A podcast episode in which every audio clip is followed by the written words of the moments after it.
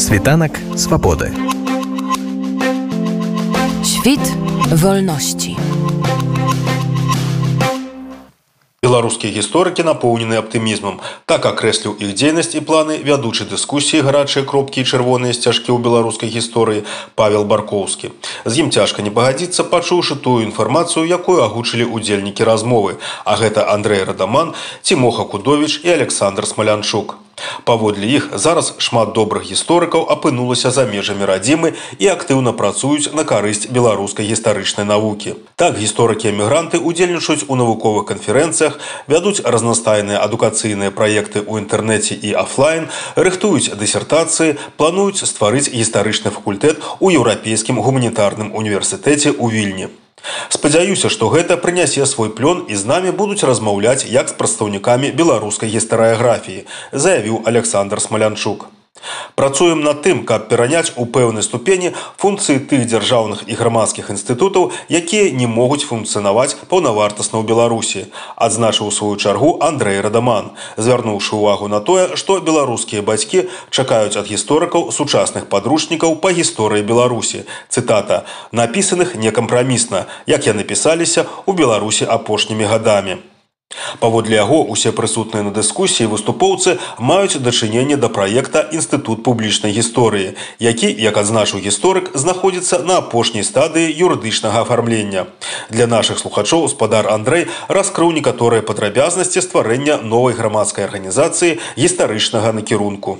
Некалькі асяродкаў беларускіх гісторыкаў прафесіяналаў і безумоўна пэўныя грамадскія дзяжы прыйшлі да высновы што неабходна стварыць інстытуцыю якая паб'яднала высілкі беларускіх гісторыкаў прафесіяналаў і папулярызатараў гісторыі накіраваная на тое каб дасягненне сучаснай беларускай гістарычнай навукі сапраўды хутчэй даходзілі да шырокага кола грамадскасці. Асабліва ў той сітуацыі якой мы апынуліся калі значная частка беларускіх гісторыкаў прафесіяналаў была вымушана пакінуць і радзіму і безумоўна была пазбаўлена магчымасці праводзіць прафесійныя навуковыя даследаванні ў рамках пэўных інстытуцый это не азначае што дадзеная ініцыятыва ахоплівае усіх беларускіх гісторыкаў якія апынуліся за межамі беларусі.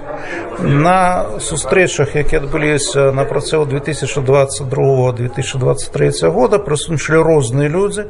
Хтосьці пагадзіўся ўвайсці у будзем казаць у вузкае кола людзей якія далей паставілі задачу юрыдычнага афармлення гэтай ініцыятывы у власна кажучы асацыяцыю якая будзе адкрыта для ўступлення усімі тымі хто будзе падзяляць праграмныя мэты запісаныя ў статуце дадзенай інстытуцыі.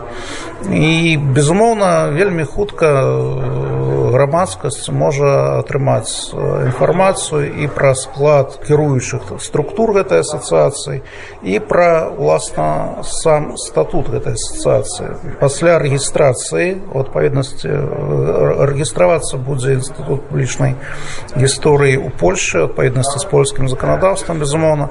Але гэта адкрытая структура якая прадугледжвае сяброўства ёй гісторыкаў не толькі гісторыкаў з розных краін паколькі гэта сапраўды дапускаецца польскім заканадаўствам я хацеў бы просто звярнуць увагу на тое што вы можете звяртацца да ігра станкевіча які займаецца гісторыяй два стагоддзя ён будзе ўваходзіць уласна кажучы у кіраўніцтва ўправлення мы будзем прадстаўляць інфармацыю паступова і спадзяюся вынікі дзейнасці гэтай асацыяцыі хутка могуць убачыць усе.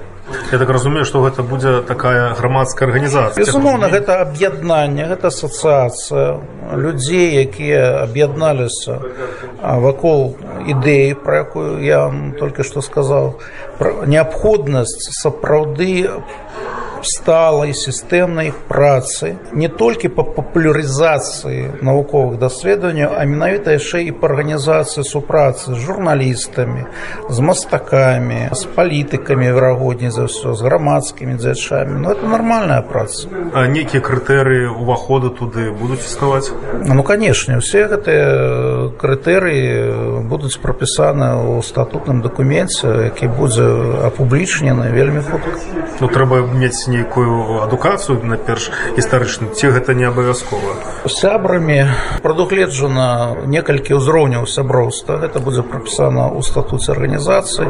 Не толькі прафесійныя гісторыкі могуць стаць сябрамі гэтай асацыяцыі. Это могуць быць журналісты это могуць быць мастакі это могуць быць грамадскія дзячы якія цікавяцца гісторыяй.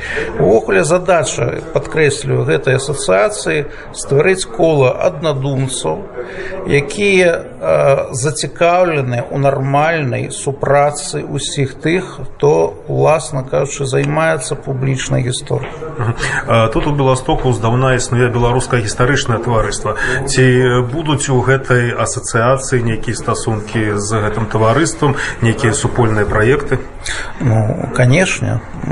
Па-першае беларускае гістарычнае таварыства якое стваралася і была спроба стварэння беларускае гістарычнае таварыства калісьці ў мінску яно тады не атрымалі магчымасці зарэгістраваць у мін'ёсці беларусі пасля гэта цэлы шэраг беларускіх гісторыкаў у тым ліку я вырашылі стаць сябрамі беларускае гістарычнае таварыства якое зарэгістравана сапраўды тут у беластоку.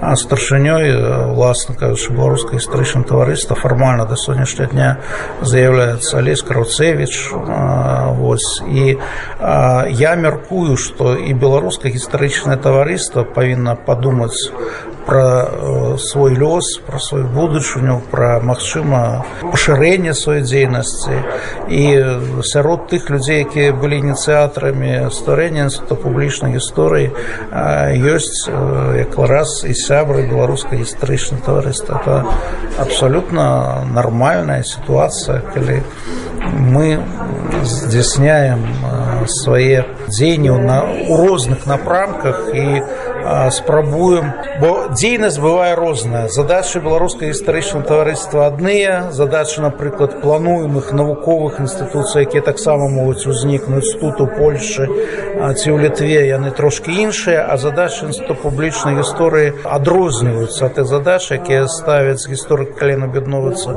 можна сказать такую прафесійную карпаратыўную структуру ці калі аб'ядноўваюцца навукова-даследчы інстытут. А тых задач якія ставяць мы это асацыяцыя гісторыка якія хочуць просто пашырыць якраз камунікацыю з людзьмі якія і так цікавяцца гісторыяй папулярызуюць гісторыю толькі што можа не маюць магчымасці у непасрэдных адносінах з гісторыкім прафесіяналамі даведацца пра ну, можна сказаць так сучасны ўзровень гістарычнай навукі не кожны журналіст здольны прабачце прачытаць манаграфію на 600 сторонак хутка. Часам трэба гэта журналіста просто за ручку пасадзіць і расказаць ну, на працягу 10 хвілін пра асноўныя высновы напрыклад манаграфіі якую напісаў Андрей владимирович мацук Ну то бок я гэта пытанне задаў да таго што напэўна не будзе вось зыходзячы з вашага адказу нейкай канкурэнцыі паміж беларускім гістарычным гэта, гэта зусім рознае аб'яднанне. калі мы гаворам пра беларускае гістарычнае таварыства гэта аб'яднанне гісторыкаў якія згуртаваліся дзеля пэўных мэтаў дзеля абмену думкамі дзеля супрацы дзеля падтрымкі адзін аднаго. Калі мы гаворам пра інстытут публічнай гісторыі гэта інстытуцыя якая безумоўна таксама будзе займацца падтрымкай беларускіх гісторыкаў якія апынуліся ну, досыць складаных і матэрыяльных умовах і у умовах складаных звязаных з рэлакацыяй там ці магчыма для кагосьці эміграцыі на доўгія гады по-рознаму бывае кожного кожная свая сітуацыя але задачы якія ставяць гэтай асацыяцыі яны могуць і адрознівацца а могуць і супадаць Гэта, але канкурэнцыі тут не будзе